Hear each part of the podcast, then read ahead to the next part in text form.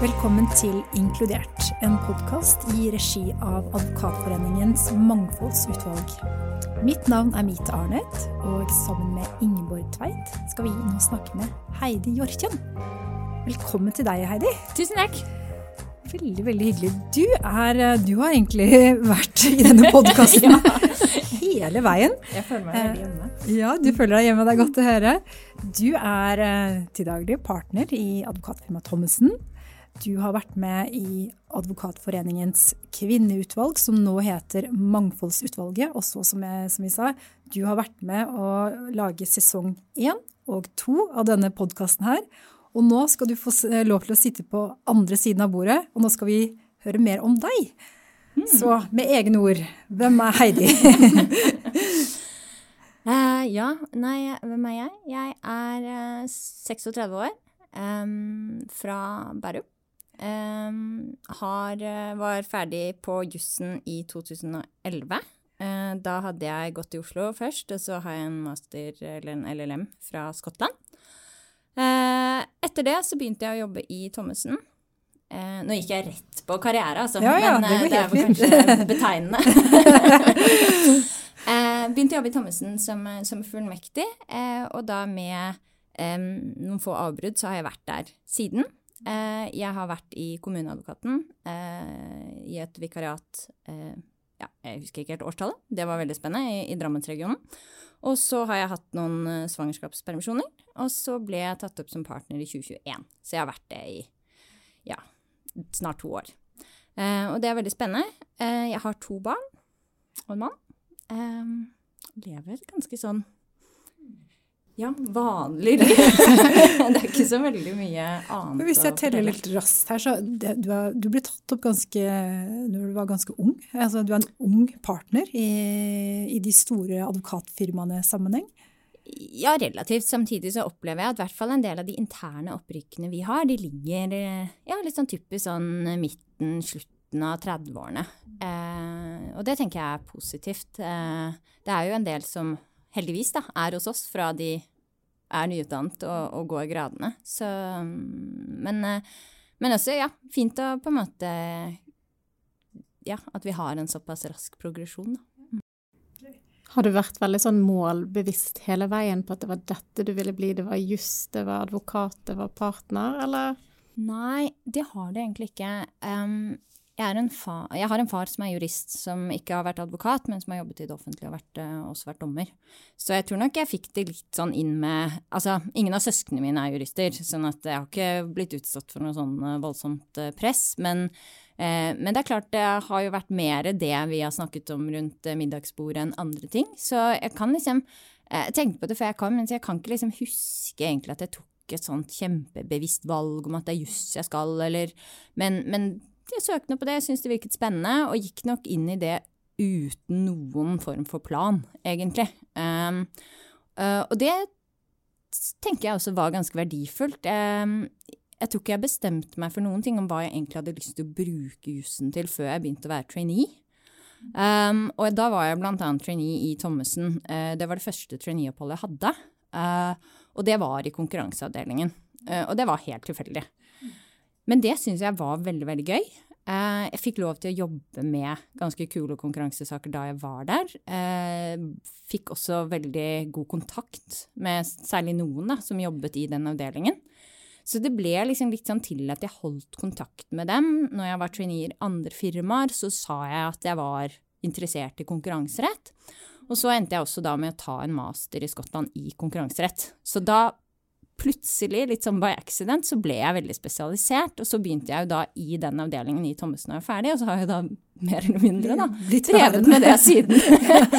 så um, så det var Og det har jeg jo tenkt på noen ganger. Var det liksom Oi, plutselig var jeg her. Og det er jo, for de som eh, på en måte kjenner den delen av jussen, så er det jo det er jo relativt smalt.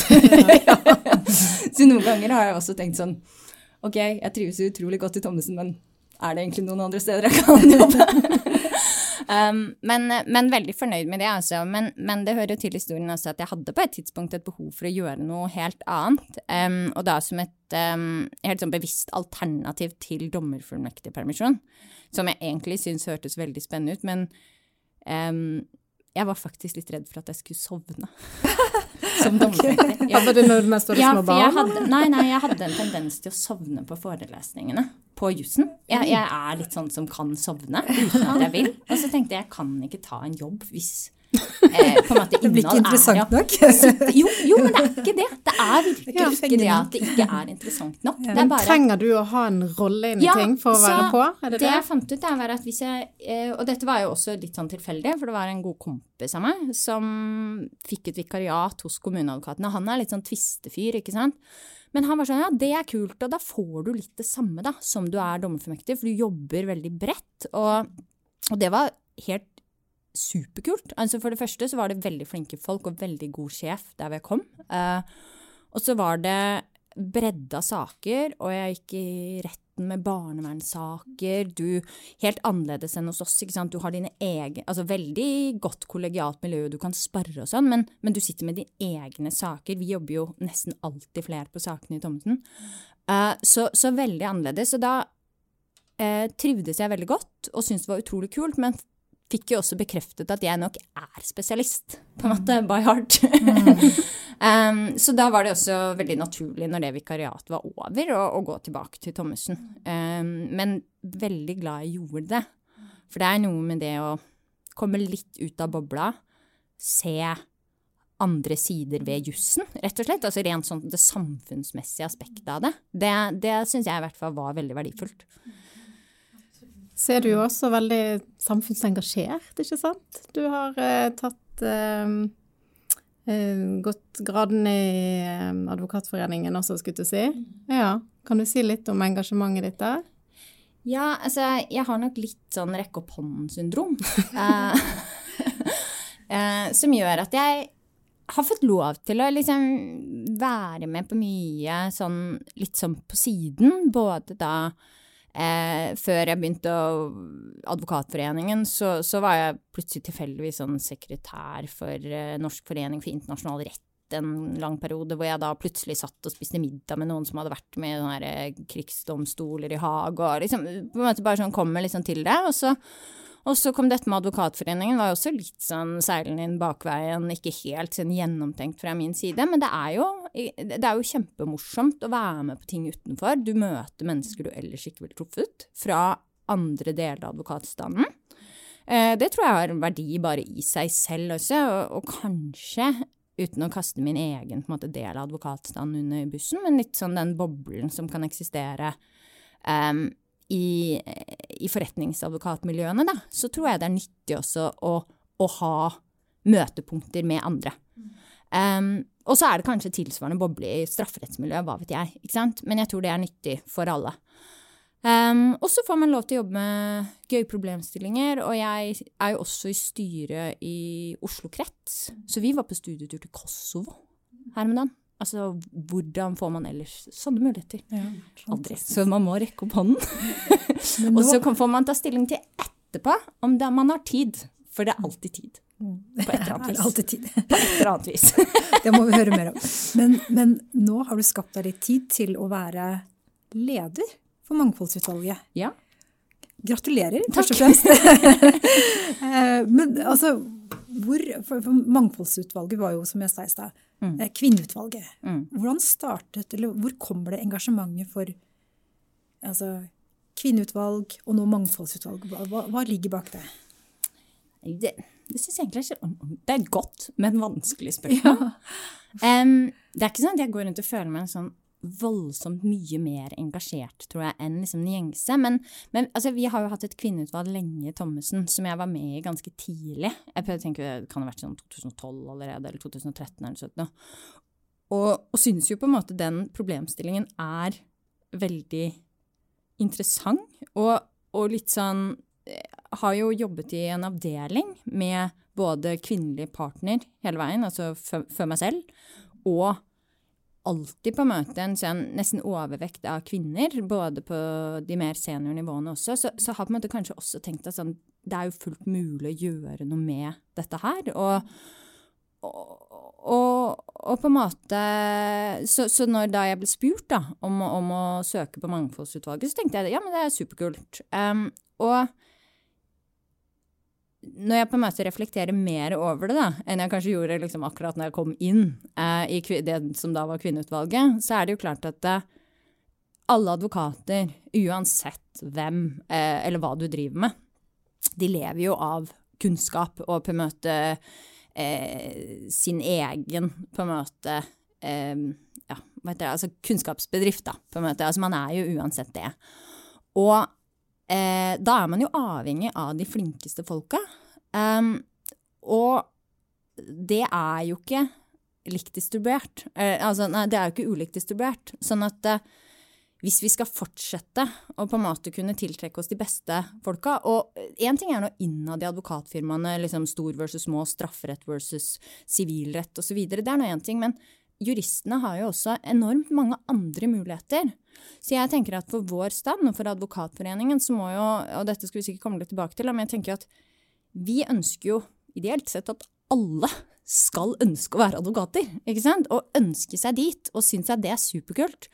Eh, men så tror jeg at vi har til dels ikke helt klart eller at det har vært en del ting i bransjen da, som gjør at den kan kanskje virke ekskluderende, og så være ekskluderende.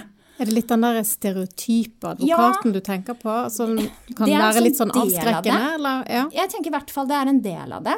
Og så tror jeg at det mangler også ganske mye kunnskap om disse mekanismene. Da. Og ja, nå går jeg litt sånn utenfor temaet, da, men, eller utenfor spørsmålet. Men veldig mye bra har jo blitt gjort, ikke sant? De siste årene. Jeg, jeg syns i hvert fall fra mitt perspektiv, som selvfølgelig er helt sånn anekdotisk, så har det jo skjedd en veldig stor utvikling fra da jeg begynte uh, som advokatfullmektig, og sånn som jeg ser i dag. Um, og det er på en måte, tenker jeg, og så er det sikkert unntak, en form for konsensus nå om at dette er viktig, dette er noe man jobber med, og jeg tror også på langt vei man, man har en ball som ruller i riktig retning. Og så kan man godt mene at det fortsatt er for, for få kvinner på toppen av advokatfirmaene, og at den, eller de store i hvert fall, at det går for treigt. Men, men, der skjer det noe. og Hvis man ser liksom på de siste fem årene, så ser man jo at nyopptak har en annen kjønnsfordeling enn det man tradisjonelt har sett.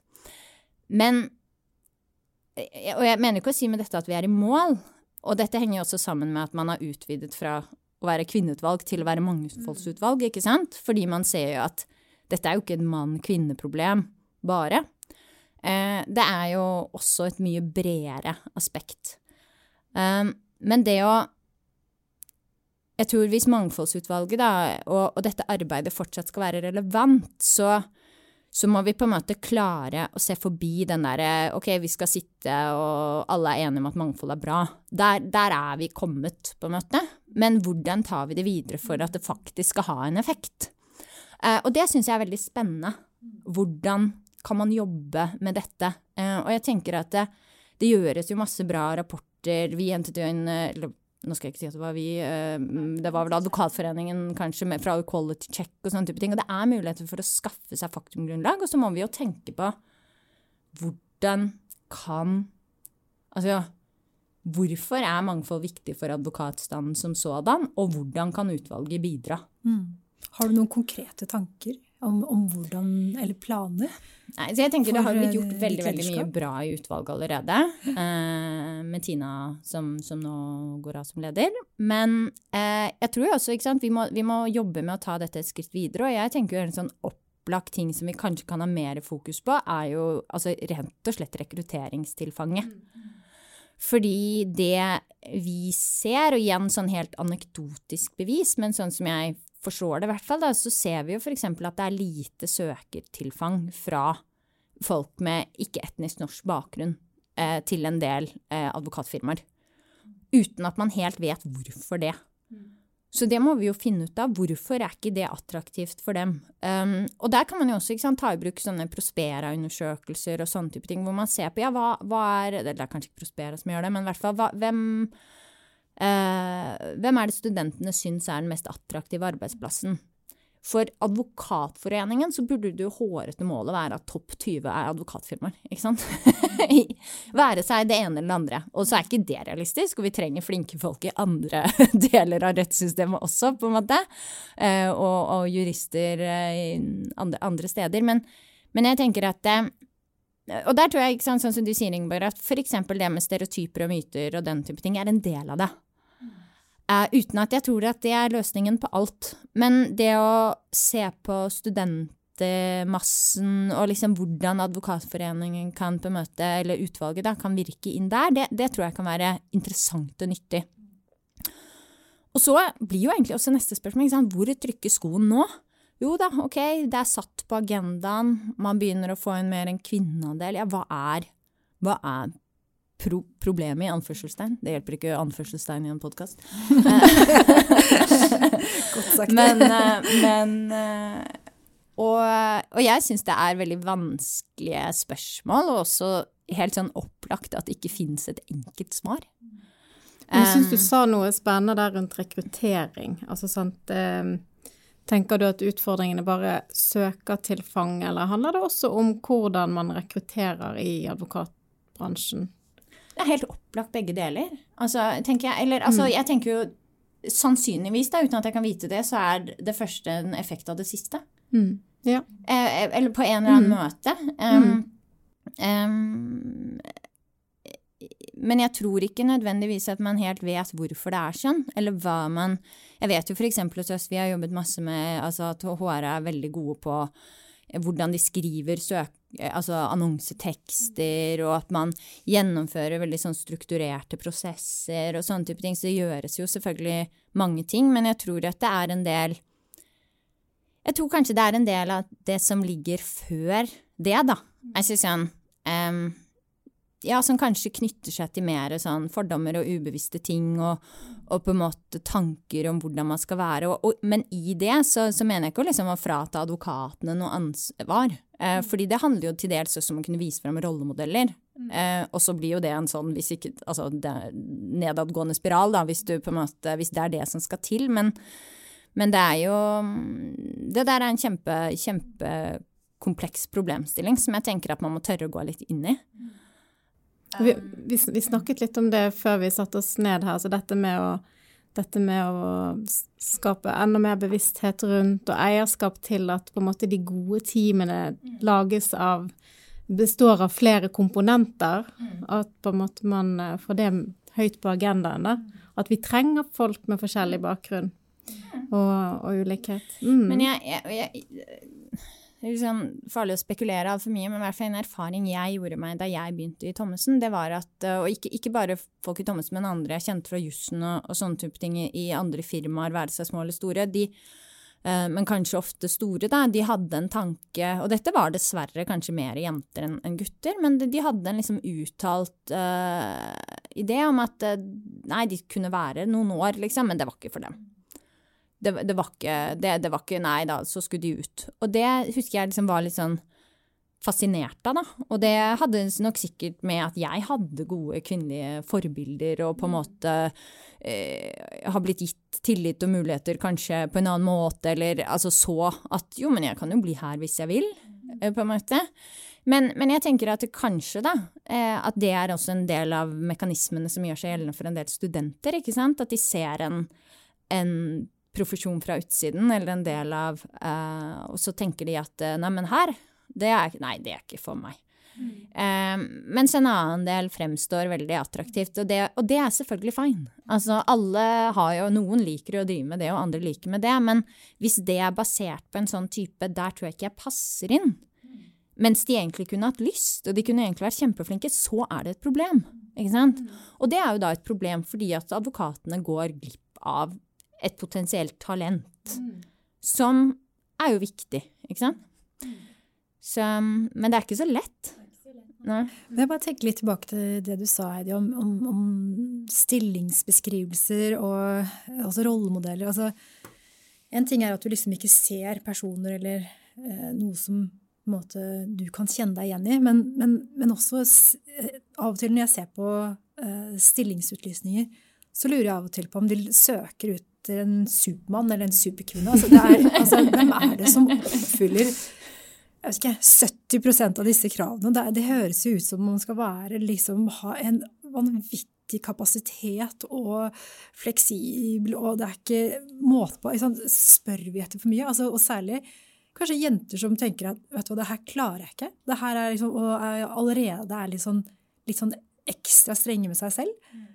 Ville liksom bare slått fra seg en sånn annonse uh, etter å ha kastet et første blikk på det?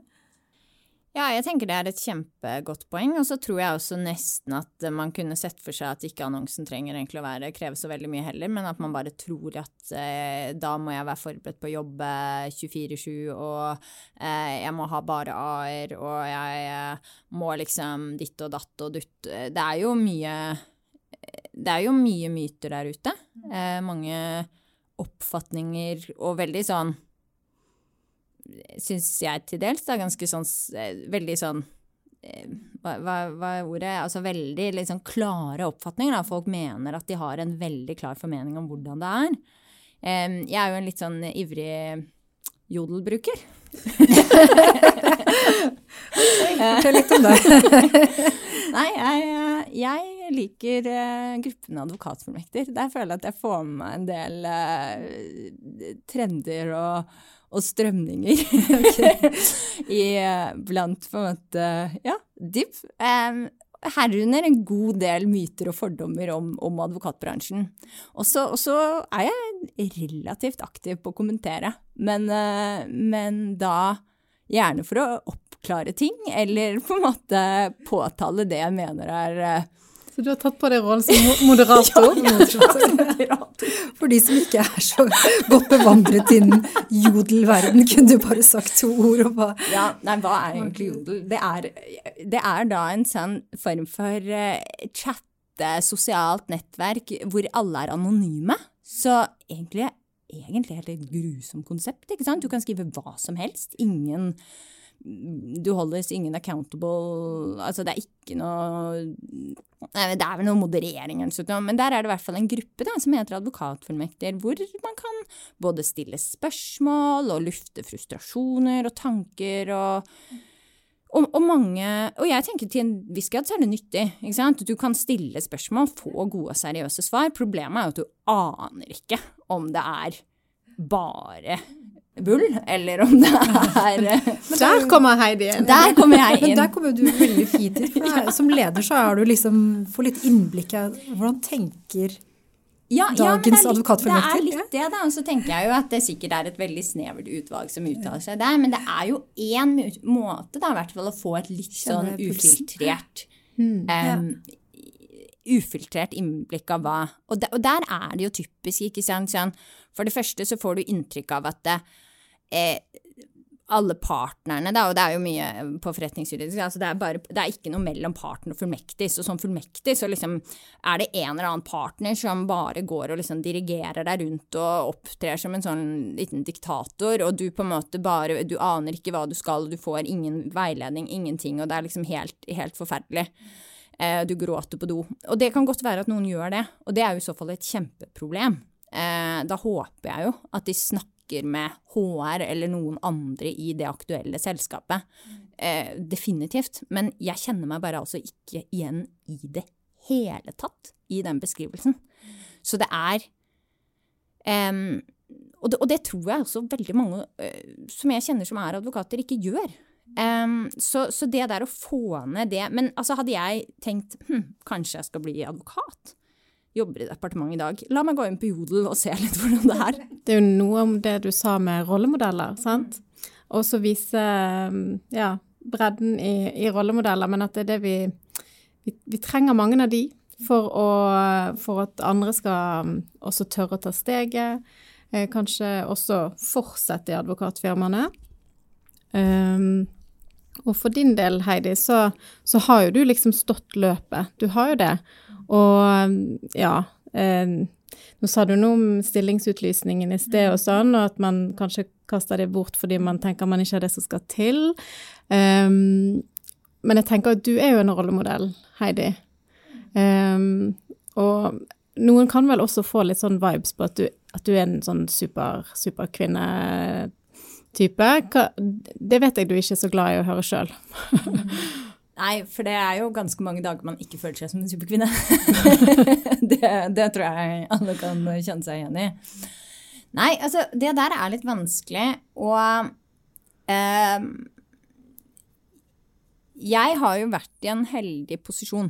Eh, jeg kom inn i et firma og med en gruppe som jeg har trivdes godt med. Jeg har hatt eh, både kvinnelige og mannlige partnere i den gruppen som har vært gode rollemodeller for meg på, på hver sin måte. Eh, bare for å skryte litt, den mannlige partneren i vår gruppe, han tok vel eh, pappa, full pappaperm i 1992 eller noe sånt nå. Så det er jo ganske bra. Det er mulig Applaus. at det var et annet år, men eh, ja. Så jeg syns vi har på en måte hatt en Jeg har alltid opplevd en aksept for eh, at man har andre eh, Andre, hva skal jeg si, eh, prioriteringer også i livet. Og så tror jeg at eh, det er viktig å ikke bare sitte og si sånn For meg har det vært kjempelett, det er ikke noe problem, jeg har aldri møtt en eneste, jeg skjønner ikke hva folk snakker om. Det, det tror jeg på en måte også kan være litt sånn, eh, sånn kontraproduktivt. Um, og for meg så har det jo vært en helt sånn forutsetning at jeg har likt veldig godt jobben. Ikke sant? Altså sånn Det er jo det første, og jeg tenker jo at um, og, og dette tror jeg ikke er eh, noe som kun hører forretningsadvokatverden til. Hvis du er advokat, så tror jeg at man til dels må være innstilt på å kunne f.eks. jobbe litt mer enn en vanlig arbeidsuke i perioder. Man må ofte kunne ta en telefon når det brenner. Er man forsvarer, og, og plutselig så sitter klienten fengslet, eller, eller man er inne og så et eller annet stort prosjekt eller forhandling holder på å gå dunken. Altså, sånn, det er litt sånn the name of the game. Men hvis du syns at jobben er morsom, og ikke den derre eh, Nå brenner det skjer altfor ofte, ikke sant? Så fordi, fordi, Noen trives ikke med det også. Hvis det brenner hele tiden og du ikke har noe styr på noen ting, så, så er det vanskelig å kombinere med f.eks. å ha en familie. Det, så ærlig tror jeg må være. Eh, for meg så har det vært viktig å ha et team. Eh, jeg er ikke så god på å jobbe alene. Eh, så ganske ganske tidlig, prøv å tenke litt sånn her, så puttet jeg inn i min plan da, for hvordan jeg skal jobbe, at jeg alltid skal delegere. Så jeg skal aldri være alene på en sak. Og det har vært veldig viktig for meg, og særlig etter at jeg fikk barn, selvfølgelig, at jeg på en måte har medarbeidere. Og det handler ikke om at jeg ikke skal gjøre noe, eller at jeg liksom skal ha noen sånne slaver under, men det handler om at vi jobber sammen. Og da blir vi også litt mer robuste hvis noe plutselig skulle haste. Og så synes jeg, og der syns jeg faktisk Thommessen har vært veldig gode, fordi vi introduserte ganske tidlig fokus på prosjektledelse. Um, og nå Prosjektledelse løser ikke alt av hverdagen, men det gjør ting en del enklere når du vet eh, litt Altså, du har mye mer forutsigbarhet i frister. Du vet eh, Altså, eh, du slipper den derre eh, hvert fall skal da slippe den der at noe plutselig haster fordi det har ligget hos en partner. Det prøver jeg selv å være veldig bevisst på også. At vi heller liksom snakker om det sånn 'Å ja, ok, men du skal være borte på fredag.' Jo, ok, men da må vi gjøre dette til torsdag. Ikke sant? Altså, den typen ting, være seg store prosjekter med liksom store interne frister og prosjektplaner i PowerPoint, til de helt små, det der å planlegge og drive prosjektledelse, det er ganske viktig for å få hverdagen til å gå opp. Og så tenker jeg jo også at jeg personlig, da, eh, har relativt stor arbeidskapasitet. Og så er jeg ikke spesielt perfeksjonist. Eh, ikke det at jeg ikke Nå skal jeg ikke Hvis det er noen klienter som hører på, skal jeg gjøre bra nok, altså. Eh, men det er liksom jeg tror jeg er ganske god på å skille på hva som må være 100% og hva som kan være 80 og hva som kan være 30 For det er en del, i hvert fall utenfor jobb, som kan være 30 også. Um, men, men, jeg tror det er viktig også å ta den fleksibiliteten som også er i det. Um, For det er kanskje litt det man ikke snakker om. Det er jo også en det er jo for, altså noen gode ved det også, ikke sant? å jobbe et sånt sted som du gjør, Heidi. Altså det, er, det, er, en viss fleksibilitet. Eh, det gir deg muligheter. Det gir deg spennende, utfordrende oppgaver. Eh, og kanskje muligheten til å jobbe med de største transaksjonene. Ja, ja. Så det er eh, og, og, det er jo det som er um, det, er, det må jo på en måte være fundamentet tror jeg. At man liker det man driver med, og syns det er sånn genuint morsomt. Og så er det ikke sånn at man trenger å synes at hver eneste dag er en fest. Og jeg kan jo ha dager hvor jeg så ærlig må jeg være, hvor jeg følte at jeg har hatt liksom makspuls store deler av dagen. Fordi ting går ikke helt i hop.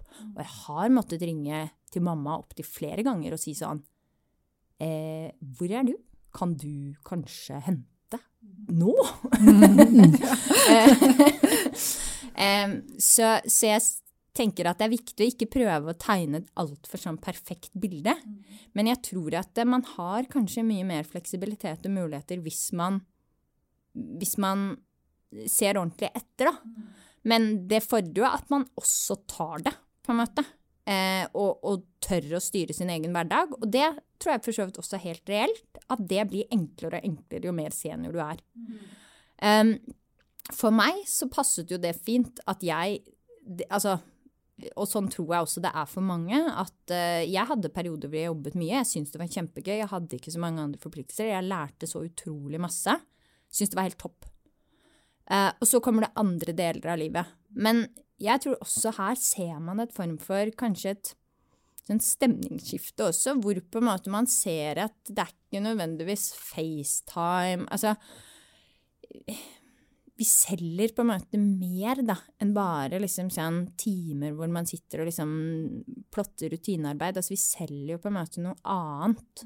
Um, så, så, jeg tror at uh, veldig mange kan få det til uten å på noen som helst måte være noe sånn supermenneske, men jeg tror at du må, du må ville det. Og jeg tenker at det er helt fair å ikke gjøre det også. Ikke ville. Det er mange andre spennende jobber, ikke sant?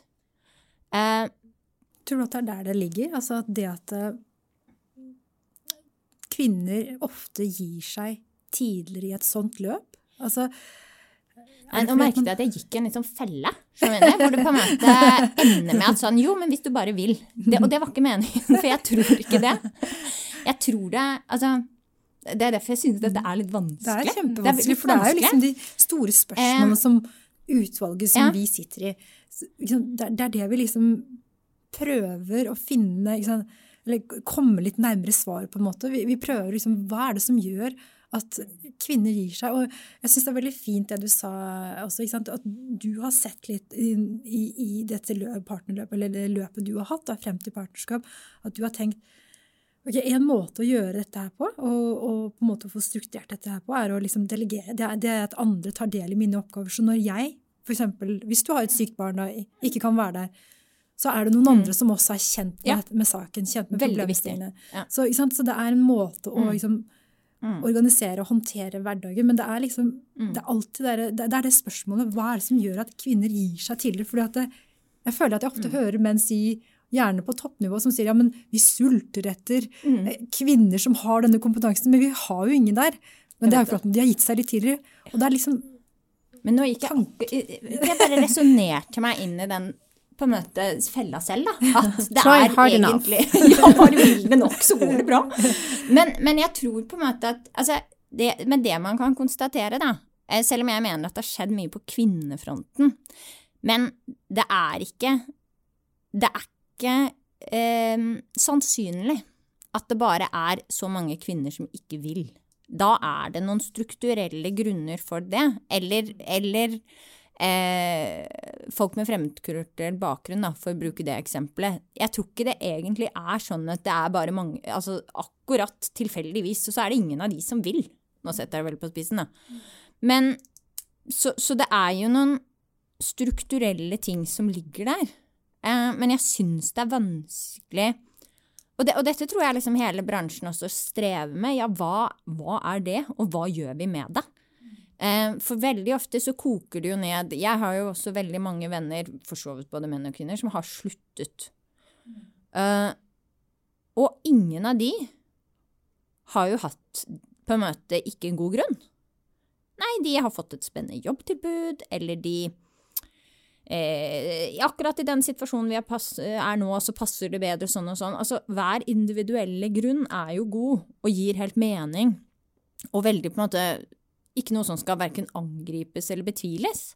Men vi må se på vi må se på hvorfor det er sånn at så mange ikke Altså at, at det på en måte er en så homogen eh, gruppe som vil. Hvorfor er det sånn? Eh, fordi det er jo et problem for bransjen. fordi at hvis man bare har en bitte liten del som vil, så, så får man jo ikke de som er flinkest. I hvert fall ikke alle.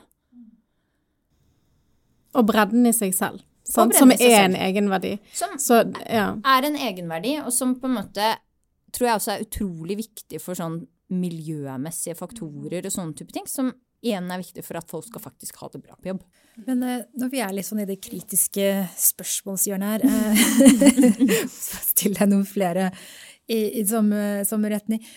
Hvis man ser på sammensetning, sammensetning som har vært i kvinneutvalget, og sammensetning som nå er i mangfoldsutvalget, så er det jo også veldig på mange måter homogent. Det har vært kvinner i kvinneutvalget, og det er stort sett kvinner i mangfoldsutvalget. Vi fikk en mann eh, for to år siden, tror jeg det var.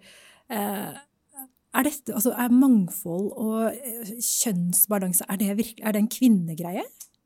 Jeg tror, ikke det er det nå lenger. Jeg kan glede deg med at søkertilfanget nå var vesentlig mer hva skal jeg si, diversifisert. diversifisert. Eh, for vi søkte etter nye, eh, nye medlemmer nå. Men eh, jeg tror det har vært litt sånn. Jeg tror det har vært til dels, men dette tror jeg er lenge siden også, at det har vært en sånn type Vi har et problem med kvinner, kan ikke dere danne en kvinnegruppe og finne ut av det? uh, og tanken er jo kanskje ikke så dum, for det er jo liksom hvem sine nærmest problem og sånn. Men uh, jeg tror nok nå at det er en sånn ganske sånn klar uh, konsensus om at det der Det det hjelper på en måte kanskje ikke. Det, det, er ikke der det kommer fra. Og jeg må jo innrømme jeg syns det gjøres, og det, og det, opplever jeg at det har vært lenge, at det har blitt satt på agendaen fra topplederne i, i advokatfirmaene. Med en, en, ordentlig genuint eh, vilje og ønske, men at man nå kanskje de senere årene har vridd det også mer til et generelt eh, mangfoldsspørsmål, da, som også typisk har gjort at disse kvinnegruppene har blitt mangfoldsgrupper. Det har det i hvert fall skjedd hos oss. Um, vi hadde en sånn kvinnegruppe før, og så har det nå Det er jo nå et mangfoldsutvalg med en mye bredere sammensetning.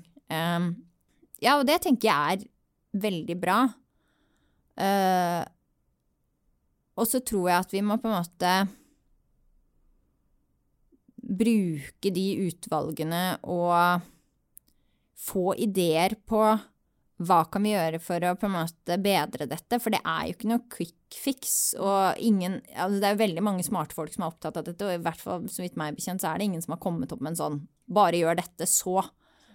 Um, men jeg syns jo, bare som et eksempel, da, som er en, et tiltak som jeg har skikkelig sansen for, det er vårt mangfoldsutvalg nå som driver en sånn holdningskampanje Eh, hvor de på en måte i våre interne kanaler, bare sånn Teams og sånn, liksom plutselig kommer med en sånn oppfordring, og nå inn mot julebordet og sånne type ting med fokus på liksom for eksempel uh, ja, dette er jo det flaut, nå kommer jeg ikke på et eneste eksempel, men um, Men jeg, jeg, likte det i hvert fall da jeg leste det. Um, men det er jo litt sånn som du sier, det er ingen som har funnet uh, aha, sånn må vi gjøre det. Men det handler vel også litt om at uh, hvis vi tar kvinnesaken her, da, så fins det jo uh, veldig mange forskjellige individer som også må, må liksom finne sine måter å, å løse dette på. Mm. Så det har vi jo snakket en del om i Mangfoldsutvalget, det med på en måte også eh, ja, eh, respekten for at folk løser ting på forskjellige måter.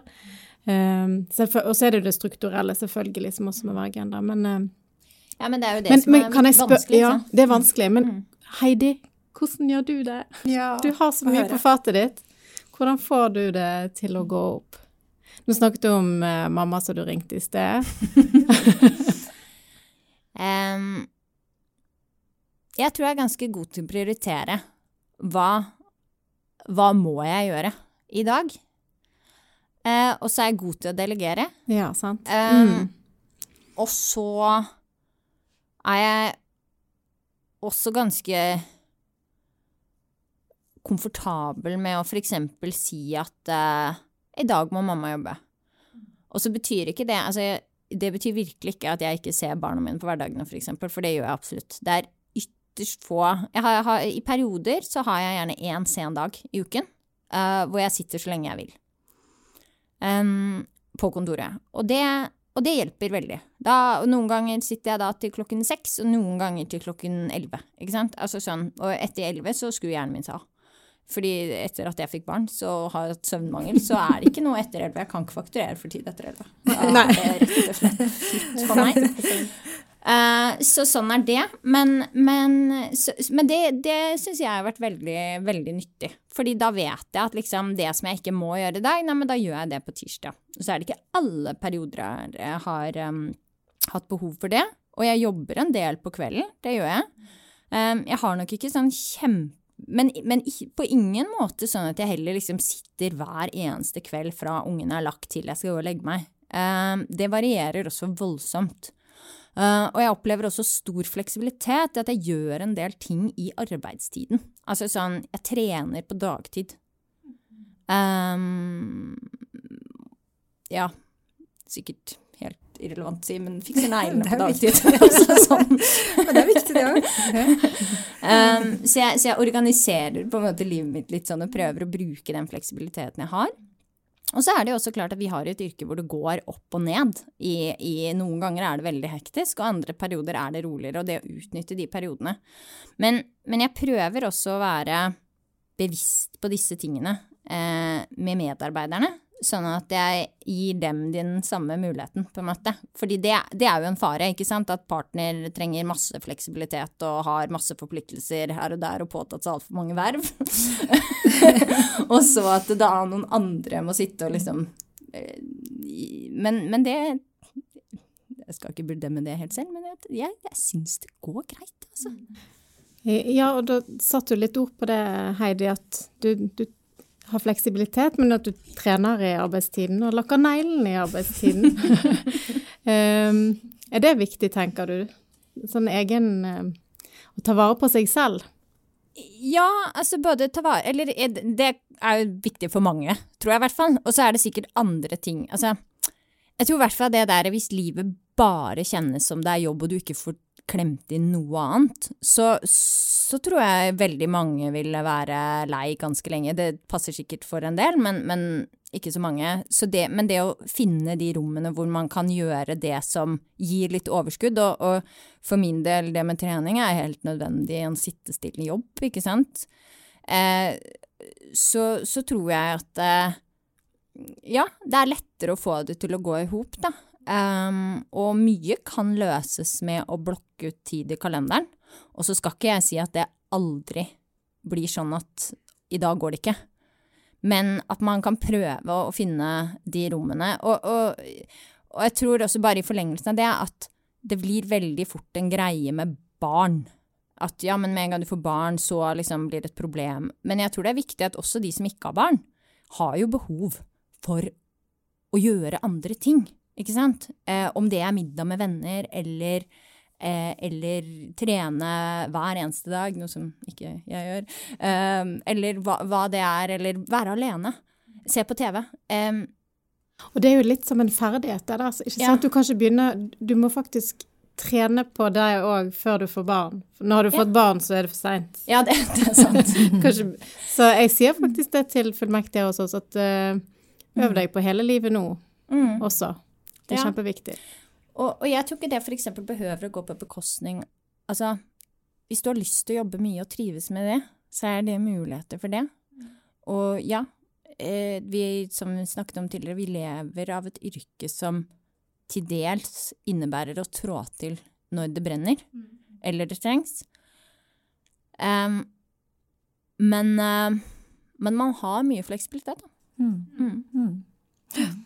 Nei, kloke ord. Viktig å ta vare på seg selv også. Men jeg tror vi må runde av. Eh, og Heidi, du og jeg, vi har alltid spurt de vi snakket med, om noen råd og tips til andre advokater.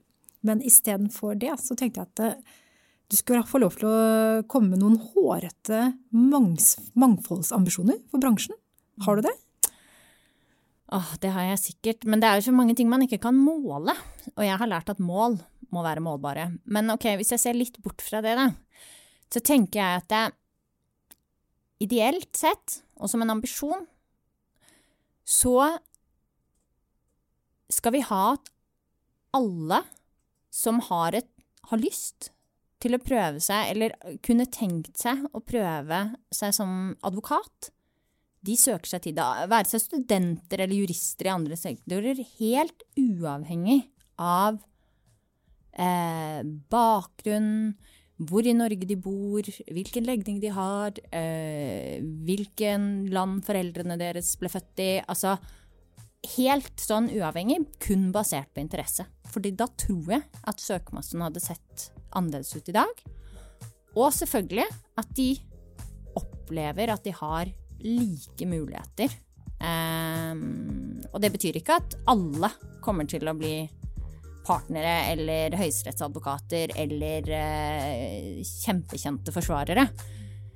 Men at de opplever at det er Det er ikke den typen forhold som hindrer dem. Ellers mm. ubevisst eller bevisst. Mm. Det ble et veldig langt og veldig lite målbart mål.